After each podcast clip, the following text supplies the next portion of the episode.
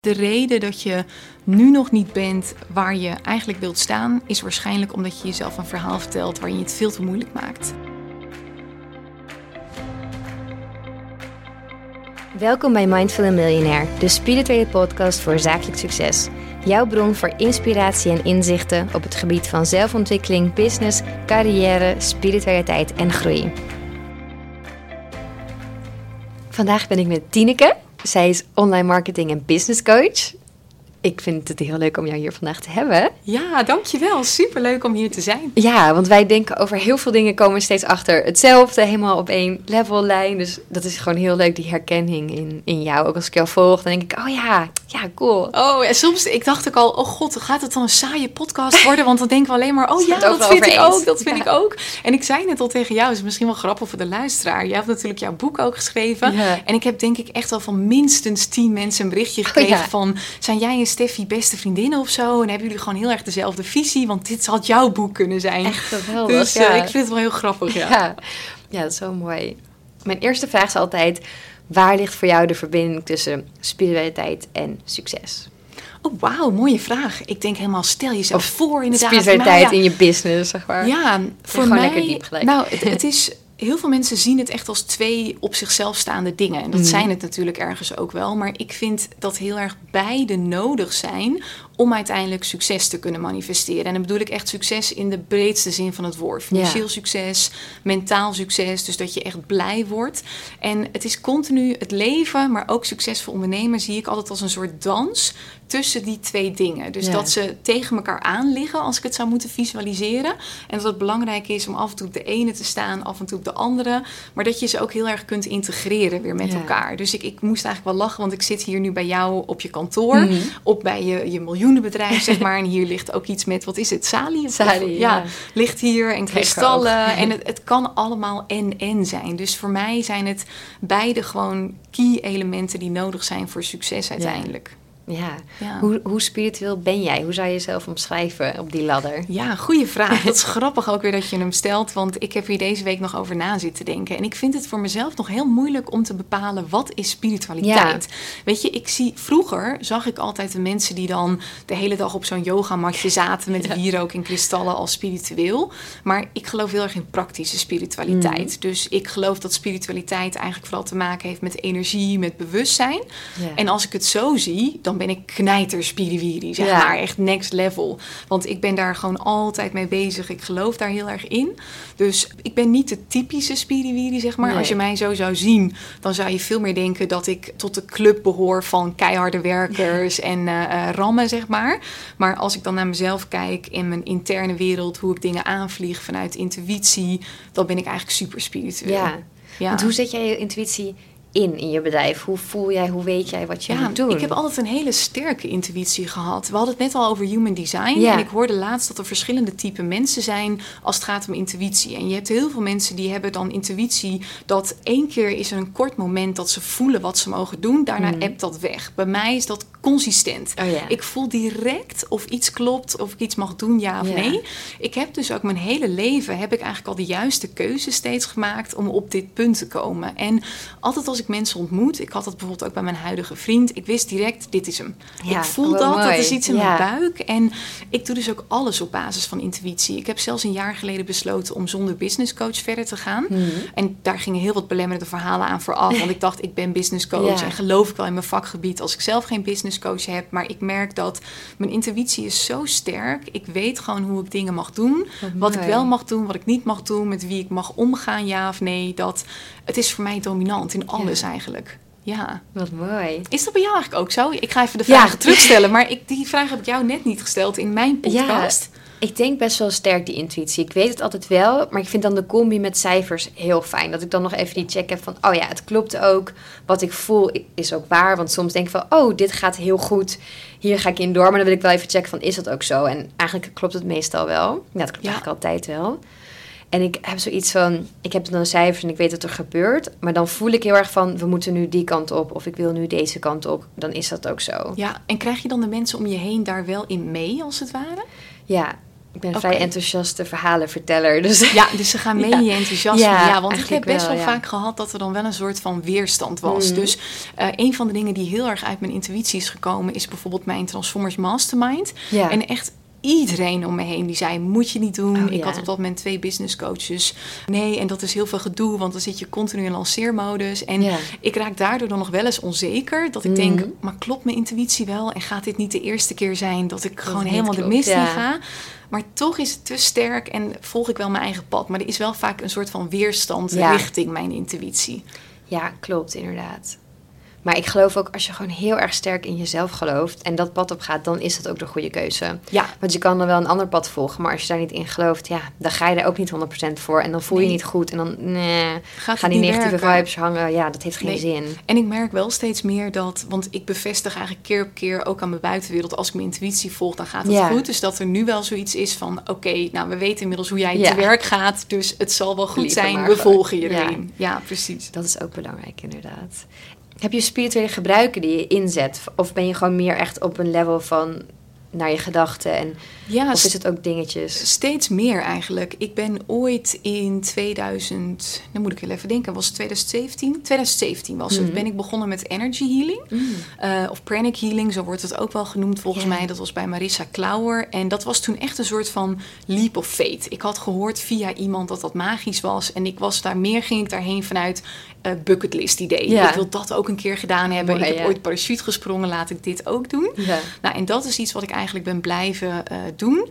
Uh, dus dat energy healing, dat is voor mij wel echt iets heel spiritueels. Ook. Dat doe ik ook bijna maandelijks, of in ieder geval twee keer per maand, om een soort van te ontdoen van ja, negatieve energie, lage frequentie, ook bepaalde belemmeringen weg te trillen of zoiets. Zo zegt zij het dan altijd. Dus dat zijn wel echt soort van spirituele practice die ik doe. Want hoe gaat zoiets in zijn werk? Hoe moet ik dat voor me Ja, het is heel vaag. Ik snap er ook nog steeds niks van. ik weet alleen dat het heel goed werkt. Je gaat liggen, gewoon op een bankje of een bed of wat dan ook. Uh, het kan bij elkaar, het kan ook online. Uh, ik doe het de laatste tijd meestal online. Dus dan lig ik gewoon op bed en dan zijn we aan het zoomen. En uh, ja, dan beginnen we gewoon. En ik werk met twee mensen eigenlijk. Eén, dus Marissa Klauer is heel erg van die... We doen beide de ogen dicht zij gaat te werk en mhm. ze zegt verder eigenlijk niks. Dus ik voel wel dat ze in mijn lichaam zit. Het voelt altijd een beetje als een soort menselijke stofzuiger. Oh, ik voel haar vaak in mijn lijf een soort van heen en weer gaan. Mhm. Eh, het voelt ook altijd alsof ik in een achtbaan zit en de energie zit in mijn handen en mijn voeten. Alles wordt warm, koud. En ja, zij komt vaak van alles tegen. Dus dan hoor ik haar in één keer vet brullen of zo. Oh, het is altijd een soort verrassing wat ze doet. Eh, of heel hard gapen. Ik doe het ook bij Marna Schouten en dat is wat zachter als het mhm. ware. Dus waar bij Marissa veel meer een soort van visioenen ook heb, is het bij Marna meer dat we ook aan het kletsen zijn. Dus uh, dan zijn we aan het praten en dan zegt ze opeens wel, oeh, oeh, kom iets in je schouder tegen. En dan zijn we even stil en dan voel ik ook echt dat ze daar bezig is. En dan voel ik dus vaak ook dat daar een soort energie wordt losgelaten op de een of andere manier. Dus dat zijn voor mij de hele, ja, best wel spirituele dingen die ik sowieso altijd doe. Maar verder is voor mij spiritualiteit ook gewoon stilte stil zijn. Ik creëer heel veel momenten voor mezelf waarin ik geen ruis heb. Want ik weet gewoon dat hoe meer ik in contact ben met andere mensen, met andere meningen, visies, et cetera, hoe meer ik verwijderd raak van mezelf. Mm, en voor mij is spiritualiteit ook gewoon intuïtie, vertrouwen op je innerlijk weten, uh, uh, bewustzijn, et cetera. En zoals ik net, ik ben nu bij jou in Amsterdam, eh, het was een half uur rijden. Dan zit ik in de auto, zet ik geen radio aan, helemaal niks, telefoon weg, alleen GPS dan eventjes. en verder niks. En ik voel dat ik dan in een dieper weten of zoiets kom. En ik heb dan ook altijd inzichten. Dus dat zijn voor mij mijn spirituele ja, practices als het ware. En s ochtends doe ik dat ook. Ik ben altijd heel vroeg wakker. Half, uh, half zes meestal, of zes uur. En uh, mijn vriend is heel erg een avondmens. Dus die slaapt altijd wel tot negen uur. Dus dan heb ik echt mijn eigen momentje ook weer van stilte. Mm. Dan mediteer ik vaak wel een beetje. Maar ik ben niet de type die gaat mediteren met allemaal muziek en oh, woorden en weet eh, ik het wat. Nee, gewoon echt een soort apathisch voor me uitstaren. Eh, in mijn eentje. Ja, dat. En dat zijn voor mij eigenlijk wel de spirituele dingen. Want ik ben verder niet het type. Ik doe niet aan yoga. Nee. Ik heb niet overal kristallen liggen. Ik heb ze wel, maar ik weet eigenlijk niet waar ze voor zijn. En dan liggen ze in een la. En ik doe dat helemaal verkeerd. Ik heb ook niet. Uh, we hadden het net over de volle maan. Dat ik met volle maan niet slaap of zo. Dat helemaal niet. Het is eigenlijk voor mij continu energetisch opruimen. Uh, dat soort dingen. Stilte om met mijn intuïtie in contact te komen. En oh ja, nog wel een laatste. Ik ben heel erg van het opruimen, energetisch oh, ruimte maken. Goed. Ja. ja, dus ik doe dat bijna elke maand in mijn kledingkast. En dan check ik echt, is dit kleding van mijn oude identiteit of van mijn nieuwe identiteit? Want ik weet, ik moet eerst zijn voordat ik kan mhm. hebben. Dus eerst de persoon zijn die ik mag zijn om iets te kunnen manifesteren. Dus ik doe heel vaak oude kleding weg. En dan geef ik het aan het leger des heils bijvoorbeeld. Ik verwijder ook al mijn oude mailtjes en zo. Dan ga ik mhm. dat allemaal opruimen. Of documenten. Dus ik ben heel erg van het opruimen en energetische ruimte creëren. Voor mijn nieuwe ja, manifestaties eigenlijk. Ja, ja dus Wat dat. mooi. Ja, want je hebt best veel gemanifesteerd. Je bent een super succesvolle business coach. Hoe heb je dat gedaan? Want er zijn heel veel business coaches. En het is niet super makkelijk om opeens zo goed te worden. En zulke, ja, je klanten zijn zo blij met je. Dat zie je altijd. En je voelt het ook echt bij jou van, ja, dit is echt de real deal. Dit is, Het voelt heel anders dan ja, lief niet, ja, niet, want er zijn altijd een beetje van, ja, business coaches of coaches. Het heeft soms een soort van smetje, maar bij jou denk ik ja, van, nee, je laat zien wat voor impact je kan maken en hoe belangrijk het is. Ja, en ik denk ook dat dat het succes eigenlijk is geweest. Dus ik doe dit echt niet omdat het makkelijk geld verdienen is, of weet ik het wel. Heel veel mensen doen het daarom. Hè? Zo van, oh, business coaches verdienen vaak veel geld. Ik, dit is letterlijk mijn zijn. Dit is gewoon waar ik goed in ben. Ik heb dat ook niet zelf bedacht. Het is eigenlijk op mijn pad gekomen, omdat steeds meer mensen me gingen vragen voor oh, advies. En toen dacht ik op een gegeven moment, mensen noemden mij hun business coach. En toen dacht ik, oh ja, oh nou oké, dan ben ik een business coach, weet je, prima. dus ik had daar ook helemaal niet over nagedacht. Dus ik denk dat de regel 1 is voor mij echt, ja, doe iets waar je hart gewoon zo snel van gaat kloppen dat het helemaal klopt. Mensen voelen dat je aligned bent. Ja. Dus ze voelen je ja, oprechtheid. Ja, ja, ik heb ook echt dat ja, ik word daar gewoon zo gelukkig van als mensen ja, middels een bedrijf hun vrije leven creëren. Ik heb ook bijna altijd, als mijn klanten hun eerste klant binnenhalen als startende ondernemer, dan ben ik de eerste die jankt, weet je wel, omdat ik het gewoon zo fantastisch vind. Dus ik denk een bepaalde puurheid dat daarin zit. Wat ik, als ik puur kijk naar strategie, wat bij mij slim is gegaan, is dat ik me heel specifiek ergens op heb gefocust. Dus heel veel mm. mensen die beginnen veel te breed, hè, die doen een beetje van alles. Ik heb echt gezegd, ik ben een business coach die zich focust op funnels. En uh, dat vond ik in het begin ook wel lastig, want heel veel vrouwen hebben weerstand op funnels. En ik trok vooral vrouwen aan. En funnels zijn pusherig en vreselijk en weet ik het wat. Dus ik ging een soort nieuwe funnel creëren. Meer een funnel wat bijna een online training is. Dus ik werd op een gegeven moment bekend van als Tineke van de funnels. Want haar funnels werken en die zijn anders dan anders. Dus dat zorgde wel voor een trigger ik heb natuurlijk ook mijn verhaal wel mee. Hmm. Dat uh, ik heb hiervoor een miljoenenbedrijf gehad met mijn ex. Ik ben toen daar helemaal uitgestapt omdat ik er niet gelukkig van werd. En ik merkte dat er heel veel mensen zijn die daardoor twee dingen eigenlijk denken. En nou, als zij een miljoenenbedrijf kan bouwen, dan zal ze wel weten hoe het moet. dus dat geeft een autoriteit.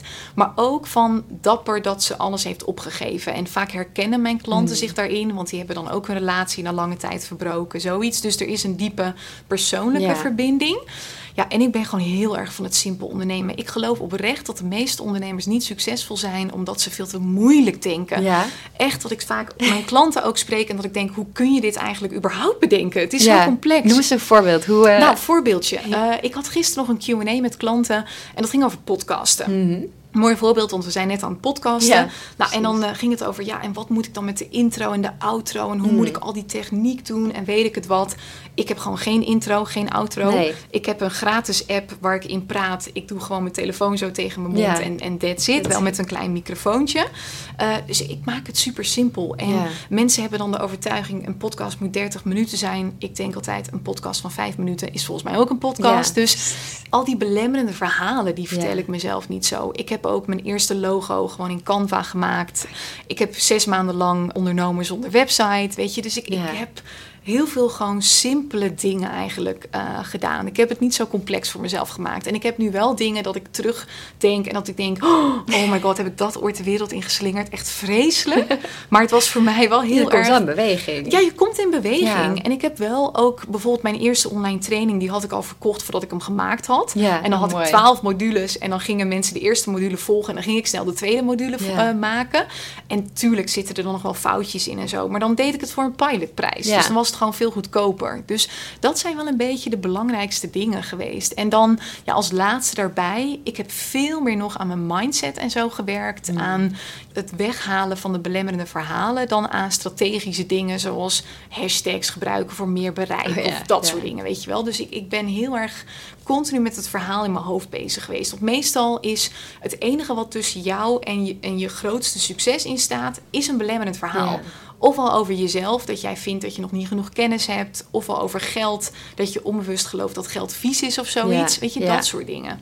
Want hoe heb je dat gedaan? Want inderdaad, je zei die beperkende overtuigingen had ik niet. Ben gewoon begonnen. Het was niet perfect, maar gewoon maar een beetje start before you're ready. Ben je altijd al zo in het leven of heb je dat geleerd over jezelf? Nee, wel echt geleerd. Ja? Want ik had heel veel belemmerende overtuigingen. Heb ik ook nog steeds. Daar, Mhm. daar ben ik ook altijd heel eerlijk in. Want er is een reden dat ik ook sta waar ik nu sta. En niet nu al 3 miljoen bijvoorbeeld draai. Mhm. Daar zitten ook belemmerende overtuigingen tussen. Ik had ze heel veel. Ik had wel zelfvertrouwen, dus dat scheelde wel. Maar ik werd op een gegeven moment door boeken en healing Oh ja. en zo... werd ik bewust van...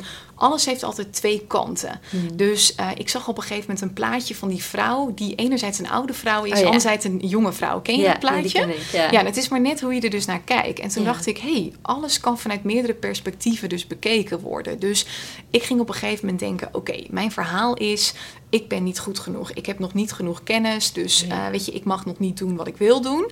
En ik ging mezelf continu challengen. Er is een ander verhaal. Ja. Want er, er, het kan vanuit een ander perspectief bekeken worden. En toen ging ik mezelf het verhaal vertellen. Op dit moment ben ik juist de persoon die voor een bepaalde groep mensen de perfecte business coach Ja. zou zijn.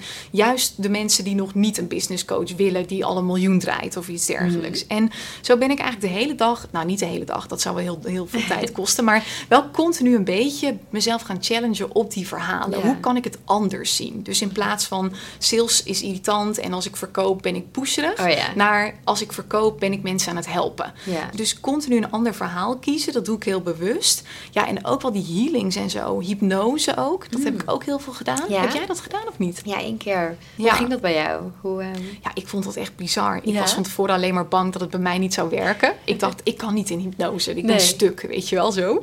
En toen ging ik op een gegeven moment in hypnose en toen was het super intens. Maar wel meteen ook in één sessie een soort belemmerende overtuiging weer kunnen loslaten. welke was Ja. dat? Eh, Nou, dat delen? ging toen eigenlijk over de liefde. Ik kwam daar voor mijn business, Mhm. maar het ging over... Er was nog iets met mijn ex. Er zat nog een soort van boosheid. Ik, ik had geen excuses van hem gehad voor een aantal dingen wat er eh, was gebeurd. En daardoor zaten er nog bepaalde emoties die me ook belemmerden in mijn dagelijks leven. En Ja. het was heel bizar, want in die hypnose zag ik hem opeens als klein jongetje. Hij was zes en hij was alleen maar aan het huilen. En hij bood zijn excuses aan en hij zei ook... ik kan dat even niet als volwassen man, dus ik sta hier als Nee. kind. En nou, ik was ook alleen maar aan het huilen. En ik kwam daaruit en die boosheid was weg. Die me belemmerde in mijn dagelijks leven. En dat zorgde er weer voor dat ik een leukere vriendin ook was voor mijn nieuwe vriend. Dat zorgde ervoor dat ik veel plezier had in mijn ondernemerschap. Dus dat was echt bizar. Oh, in één sessie kan zoiets veranderen. Want hoe was dat bij jou? Ja, ik was dus zo iemand. Nee, bij mij hielp het niet. Maar ik wil het echt nog een keer Bij doen. jou ik denk echt dat het aan mij lag. Het was echt voordat ik echt Ja. het spirituele pad opging. En toen dacht ik, ja, hm, hm. Dus ik denk, ik wil het nu nog een keer doen. Maar iets Ja. houdt me nog tegen. Ik denk dat ik er echt klaar voor moet zijn. Stond je er toen echt voor open? Nee, achteraf gezien denk ik niet. Zeker niet. Nee, want Nee. ik ging er echt heen met... ik ga nu iets doorbreken. Precies. Weet Dat je, dat was ook echt mijn intentie. Ja. Ik heb ook een keer een familieopstelling gedaan. Helemaal jaren geleden. Voor überhaupt ik van het woord spiritualiteit had genoemd. En dat vond ik ook echt vreselijk. Ik Oh, dacht echt, ja. wat is dit voor onzin? En eh, toen zei die vrouw ook nog... Ja, je moet echt eens gaan eh, biodanza doen. Want je staat zo niet in contact. Ik dacht, nee, maar hoe kan je dit nou aanraden aan iemand die totaal niet... eh Dus dat was ook een drama. Ik geloof wel echt dat je zulke soort dingen... Als je er niet in gelooft, dan werkt het ook niet. Nee, dat geloof ik ook. Nee, je moet er echt een soort van klaar voor zijn. Ja. En dat kan bij mij, omdat ik toen met dat healingstuk... daar was ik heel open in gegaan. Ja. En dat werkte ook als een tierenlier bij mij toen. Dus ik dacht, dit soort dingen kunnen dus ook goed Het bij me werken. En ik, ja. ik was wel, had die angst, dus dit, ik ben stuk en bij mij kan het Mm. niet, want ik kan best in mijn hoofd zitten. Maar blijkbaar kon ik me daar tijdens Toch, die sessie ja. overheen zetten. En wat zij wel heel goed deed, ik was bij Sascha Bol. Hmm. Eh, zij ging van tevoren ook helemaal vragen stellen hoe ik was. Dus ja. zij verandert ook het verhaal wat ze gebruikt, Dat afhankelijk aan de persoonlijkheid. Ja. Dus zij gebruikt echt woorden die blijkbaar echt op mijn brein dan heel goed werken of zoiets. Dat is ik heel belangrijk inderdaad. Kijken wie je voor je hebt en het toch daar enigszins op aanpassen. Zoals bij mij dacht Ja. ik, je hebt iemand voor je die nog nooit heeft gemediteerd. En dan ga je zeggen, joh, ga lekker biodanza doen. Ja, nee, dat klopt niet. Nee, dus zij deed het heel goed op maat. Dat dus dat heeft mij. Ja, geholpen. dat- Ja, Want dan denk je de volgende keer, oh, dit, dit werkt. Ik, dan sta je toch weer meer open. En dan Ja. Ja, Klopt. weer meer in verbinding. En, en laatst nog zit ik over te denken, want jij zei, hoe ben je door die belemmerende verhalen heen gebroken? Op een ja. gegeven moment waren er in mijn omgeving heel veel ja, plotselinge overlijdens. Mm. Dus in echt een paar jaar tijd zijn drie van mijn ooms overleden, Oh. twee tantes, alle opa's en oma's, oud Wow. oppaskindje. Het was echt bizar. Ja.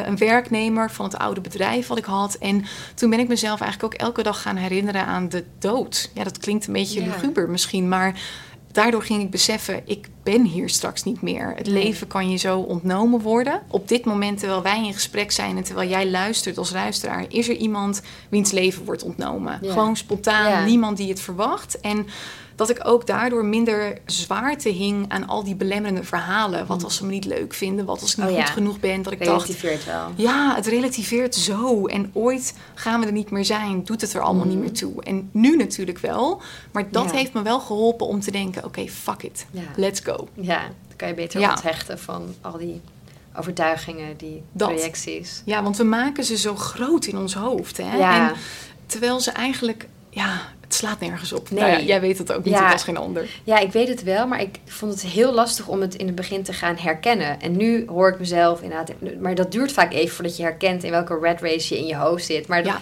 het is wel een soort ja, practice die je gewoon moet doen van, hé, hey, waar ben ik mee bezig? Wat ben ik tegen mezelf aan het verzeggen? En dit is ook een Ja. verhaal en er kan ook een ander verhaal. Klopt, maar dat is wel het belangrijkste. Daarom heb ik op dit moment eigenlijk vooral mindset coaches. Want ik merk gewoon dat het verhaal wat jij jezelf vertelt over jezelf, over je doelgroep, eh, over geld. Want over je doelgroep, ik hoor bijvoorbeeld heel vaak van mijn klanten, dat zijn dan startende ondernemers die startende ondernemers helpen. Oh dus ja. de overtuiging, startende ondernemers hebben geen geld, dus die willen niet investeren. Dus ik kan niet een succesvol Nee. bedrijf Dus allemaal dat soort dingen. Dat het verhaal wat je in je hoofd vertelt, dat wil je onbewust bevestigen aan jezelf. Want dat is de functie van je brein. Hè? Ja. Ik zeg ook altijd tegen mijn klanten: de functie van je brein is niet om jou gelukkig te maken. Helemaal niet. Die Nee. wil je helpen overleven. Die wil continu wat jij gelooft bevestigen aan jezelf, want dan voelt het zich veilig. En zo ga je dus continu op zoek naar dat soort dingen. En wat mij heeft geholpen, dat doe ik nog steeds, is op een blaadje schrijven: ik ben, geld is, rijke mensen zijn, mijn Hmm. ja. doelgroep is. En dan intuïtief gaan schrijven. Wat Ja. komt er als eerste naar boven? En in het begin kwam er bijvoorbeeld naar boven: ik ben eh, nog niet klaar. Ik Oh, ben ja. nog niet, eh, ik weet nog niet genoeg. Ik ben eh, niet goed in spreken. Weet je, allemaal negatieve dingen. Dat ik dacht, oh my god, als dit mijn zelfbeeld is. Ja. Ja. En ik schreef ook op, rijke mensen zijn fucked up. Dat waren Oh, letterlijk mijn woorden. Zijn klootzakken schreef ik. Dat ik echt dacht, oh, wat erg. Weet je, als ik dit geloof. Maar dan heb je wel je verhaal, heb je duidelijk. En vandaar kun je weer gaan werken aan een nieuw verhaal. Hele mooie oefening. Ja, het is echt een hele confronterende. Maar hij is wel goed, ja. Want je schrijft het toch wel zelf op. Het is toch, dan lees je Ja. dat en denk je, oh mijn god. Ja, niet chill. Niet chill, maar wel vanuit daar kun je wel weer verder. Ja, vanuit bewustwording Ja. kun je dingen veranderen. En ik merk nu als ik het doe, is dat de belemmeringen zijn. Ik word bijvoorbeeld weer ongelukkig als ik straks naar de miljoen ga. Want ik zit Hmm. Oh, daar ja. nu bijna op. Eh, en ik heb eerder een miljoenenbedrijf gehad. En toen stortte alles in elkaar. Ja. Mijn relatie ging uit. De business werd ik niet blij van. Dus er zit een soort kronkeltje. Dus dat ben ik nu weer aan het Ja. verwerken. En zo is er altijd iets. Dat zul jij nu ook weer hebben. Het dat is er nu nooit weer een klaar. is. Nee, het is een soort bodemloze put. Ik word er soms heel moe van. Mijn vriend zegt ook altijd, moet je nou weer zo'n boek lezen? Is, moet je nou weer dit doen? Is het niet af? Ik zeg, nee, het, het is niet af. Nee, het Maar- is niet af. En ik merk, ik heb soms ook het idee dat het bijna alleen maar meer wordt of zo. Ja, want heb je dat ook niet? Dat je soms denkt, het is heel leuk. Meer zelfinzicht, meer spiritualiteit. Maar wauw, soms denk je ook wel, wauw, ik was- zou ook wel gewoon lekker onwetend willen zijn. Ook lekker Ja. makkelijk. Echt, ignorance is bliss. Ja. want ik heb bijvoorbeeld ook... Mijn moeder is heel erg bezig met spiritualiteit Mhm. en zo. En daar heb ik het dan ook wel eens over ja. met haar. Mijn vader totaal niet. Maar die is zo gelukkig en die leeft Mhm. gewoon echt heerlijk in ignorance is bliss. Ja. Maar je kunt... When you know, you can't unknow, zeg maar. Nee, je Weet kan niet meer terug. Je kunt niet meer terug. En het is ook wel verslavend, vind ik Ja. ergens. Want het is ook wel heel boeiend. Ja, en het Ja. brengt je ook ver. Maar af en toe denk je van, jeetje, Ja. kan ik nu ook een keer, een keer niet alles observeren wat er gebeurt. Oh, en, echt. eh, ja, en ik merk dat heel veel mensen zichzelf er ook in verliezen. Hè? Want je Mm. kunt altijd door blijven gaan. Dus ik, ik trek mezelf ook altijd alweer terug. Van nee, nu even in de praktische wereld, het aardse. Maar wat ik net zei over ignorance is bliss... dat is wel een van de dingen die ik nog toepas in mijn praktische leven, zeg maar. Dus ik volg bijvoorbeeld ook heel weinig ondernemers op Instagram. Of ik volg ze niet, of ik heb ze op dempen. Want. Ja. ik word daardoor ook altijd heel onzeker. En ik zie dat bij ondernemers vaak misgaan. Hè? Ze Ja. kijken zo van de anderen. Maar daarin is ignorance is bliss wel echt een goeie. Ja. Doe jij dat ook voor jezelf of niet? Nee. Het is wel mooi eigenlijk. Ik raak wel snel geïnspireerd. Ik heb misschien ook minder mensen die heel erg, ja, nu misschien al schrijvers of zo, maar dan minder echt, echt concurrentie. Ja, precies. Het is misschien anders. Maar ik vind het wel een hele mooie tip eigenlijk om niet zo beïnvloed te worden door wat je de hele dag ziet. Ja, want het is, weet je, ik merk altijd dat de lijn tussen geïnspireerd en geblokkeerd Mhm. raken is Ja. best wel heel klein. Eigenlijk, Ja. die lijn is heel dun. En voor ook startende ondernemers is het meestal beter om op een gegeven moment te zeggen, alles weg. Ja, Weet precies. je, even terug ja. naar mezelf, niet kijken naar anderen. Want je gaat vergelijken, Ja, je dan wordt word je onzeker. onzeker, jaloers, al die negativiteit. Precies dat. Ja, dat is Ja, echt waar. maar met het, het mentale, spirituele, ja, gaat dat niet meer. Als je het op Nee. een gegeven moment weet en je bent Nee. ermee bezig. Nee. Nee, maar inderdaad, zou je nog terug willen? Nee, ik zou het niet terug willen. Nee, want ik vind het soms wel confronterend. Maar ik, het is ook bijna een soort nieuwe hobby of Ja. zo. Om persoonlijke ontwikkeling, om daaraan te werken. En ik merk wel dat hoe groter mijn bedrijf wordt, hoe groter de verantwoordelijkheden, hoe groter ook het gedoe en zo. Mhm. Maar hoe beter ik het ook weer kan dragen. Dus Ja. de uitdagingen worden niet per se makkelijker. De thema's die omhoog komen ook niet, absoluut niet zelfs. Maar ik kan meer afstand nemen. Ja. Dus waar ik voorheen heel erg me, me identificeerde met uitdagingen van oh, ik ben echt dit, Ja. kan ik nu veel meer die negatieve gedachten bijvoorbeeld observeren. Dat ik het meer zie als een wolkje van oh, oh jij bent er ook. Oké, Ja. je gaat ook weer weg en zo. Snap je wat ik bedoel ja, dan? heel mooi. Ja, Ja, dus het is meer loslaten. Ja. ja. Mooi. Ik eindig altijd met een paar vragen waar je direct iets mag zeggen wat in je opkomt. Je mag in één woord antwoorden of in één zin, maar gewoon lekker kort. En dan ehm, ben ik heel benieuwd om jouw brain een beetje te pikken. Beste boek dat je hebt gelezen? Oeh, The Art of People. Ja? Ja. Zal ik uitleggen waarom? Ja. Ehm, als ik kijk naar gewoon de wereld nu, dan wordt het steeds belangrijker om goede mensenkennis te hebben. Want Ja. het, weet je, er wordt steeds meer gedaan door computers en het gaat allemaal automatisch. En het gaat nu echt om dat je goed om kunt gaan met mensen. En als ik kijk waar mijn belangrijkste marketingkennis ook vandaan komt, is het letterlijk dat boek. Ik heb daar helemaal geen marketingboek Oh, voor gelezen, maar Ja. meer dat gaat bijvoorbeeld over dat we als mensen heel erg de behoefte hebben om gezien en gehoord te worden. Mhm. Dus je vindt een podcast vaak leuk als hij bijvoorbeeld herkenbaar is. Ja. Omdat je je dan gezien voelt in je emoties. En ik merk dat hoe meer ik lessen vanuit dat boek toepas, hoe beter het stroomt in mijn business, met klanten, eh, hoe meer ik voor elkaar krijg. Dus dat is echt een must-read. Ja, Ja. cool. Grootste business fuck-up? Oeh, niet vertrouwen op mijn intuïtie. Hmm. Ja, ik heb een aantal keer toch gehad dat ik mensen de leiding liet nemen ergens over. Ik heb bijvoorbeeld iemand gehad die me adviseerde om een event te organiseren, want zij deed dat ook altijd. En eh, dit was mijn oud business coach. Ik hou echt van die vrouw, ze is fantastisch, maar zij vond ook dat ik dat moest doen. En ik voelde direct nee, nee, nee, maar ik deed ja. En Ja. dat is echt, nou, dat is slecht uitgepakt, zeg maar. Ja. ja. Mooiste quote die je hebt gelezen? Everything in my life is happening for me. Dus not to me, maar for me. Het komt Ja. altijd iets goeds brengen. Beste advies dat je hebt gekregen? Oeh, dat is een goede vraag. Best advies wat ik heb gekregen. Ja, dit is zo cliché, maar het eerste wat in me opkomt is blijf dicht bij jezelf. Maar dat vind Ja. ik echt om te walgen om dat als antwoord te geven. Maar het is wel zo. Nou, dat is een mooie. Ja, ik denk dat, weet je, als je dicht bij jezelf blijft, er is een innerlijk weten in iedereen waar je op mag vertrouwen als je dat doet. Ja. Ja, En wat is het Ja. beste advies dat je nu wilt geven aan de luisteraars? Oh, mooi. Ja, eigenlijk dus ook sowieso die. Maar ook dat stukje ignorance is bliss en houd het simpel voor jezelf. Weet je, de reden dat je nu nog niet bent waar je eigenlijk wilt staan... is waarschijnlijk omdat je jezelf een verhaal vertelt waarin je het veel te moeilijk maakt. Ja. Weet je, er is altijd iets waarvan je denkt... ik kan dit niet, want ik heb een accent of ik ben te dik of ik heb nog niet genoeg kennis. Weet je, je maakt het te complex. Dus weet dat er altijd mensen zijn die al op jou zitten te wachten. Op jou als persoon, op jou als idee. Weet dat 80% voor jou ook altijd 140% is voor een ander. Dus ga gewoon iets doen vandaag. Ga kijken, wat is mijn droom? Wat kan ik vandaag voor kleine babystapje nemen om één stapje dichterbij te komen? ja. Je grootste businessdroom die je eigenlijk niet durft te delen? Oeh. Ja, ik wil eigenlijk ook een boek schrijven. Jij hebt me ook daartoe geïnspireerd, want ik las jouw boek en daarin herkende ik gewoon Ja. zoveel van mezelf. En ik dacht, ja shit, weet je, als zij het kan, dan kan ik het ook. Ja, dus mooi. dat vond ik heel tof. Maar die voelt ook heel groots op de een of andere manier. Alsof, ja, en dan moet je met een uitgever werken. Op de een of andere manier zit dat mij heel erg dwars. Want jij hebt ook met uitgever Ja. gewerkt gewoon Maar toch? ik wilde hè? eerst zelf gaan doen. Ja, daar zat ik ook over te Ja. twijfelen. Waarom heb jij eigenlijk besloten om het, zelf, om het eh, met een uitgever te doen? Ja, op een gegeven moment was ik helemaal van, oh, al die details en dingen. En ik dacht, ik wil gewoon een mooi boek. En ik kreeg helemaal gewoon een paniekaanval. En dat ik alles zelf moest doen. in het begin wilde ik dat heel graag. Dus ik heb ook alles geschreven eigenlijk. Het was al af. En toen pas eigenlijk ook bij de uitgever. Dus dat vond ik wel fijn eigenlijk. Toen was het helemaal mijn eigen proces. Maar ik uh, overzag het allemaal niet meer. Nee, en dan heb je wel echt iemand nodig. Want mijn angst daarin is dat ik heb gewoon mijn eigen sterke intuïtie. En ik weet gewoon wat ik opschrijf, dat mag er zijn. Ja. En dan komt iemand vanuit eh, er komt iemand daarin poeren, weet je wel. Mm. Dus nou goed, daarom vind ik dat heel spannend. Durf ik ook bijna niet te delen, want dan ontstaan er verwachtingen. Maar goed, dit gaat mijn eerste stap zijn. Mijn boek gaat er komen, volgend jaar. Heel mooi. Spannend. spannend. Ja. En als allerlaatste vraag, wil je nog iets met ons delen? Ja, ik heb het eigenlijk net al gezet, maar zet gewoon die eerste stap. En hmm. weet je, ik geloof altijd heel erg in groots dromen, want alles is mogelijk. Echt, ik heb inmiddels te veel gezien. Nou, jij bent daar een levend voorbeeld van. Ik ben daar een levend voorbeeld van. Echt alles is mogelijk. Helemaal met de juiste manifestatiekracht, zeg maar, als je dat eenmaal begrijpt.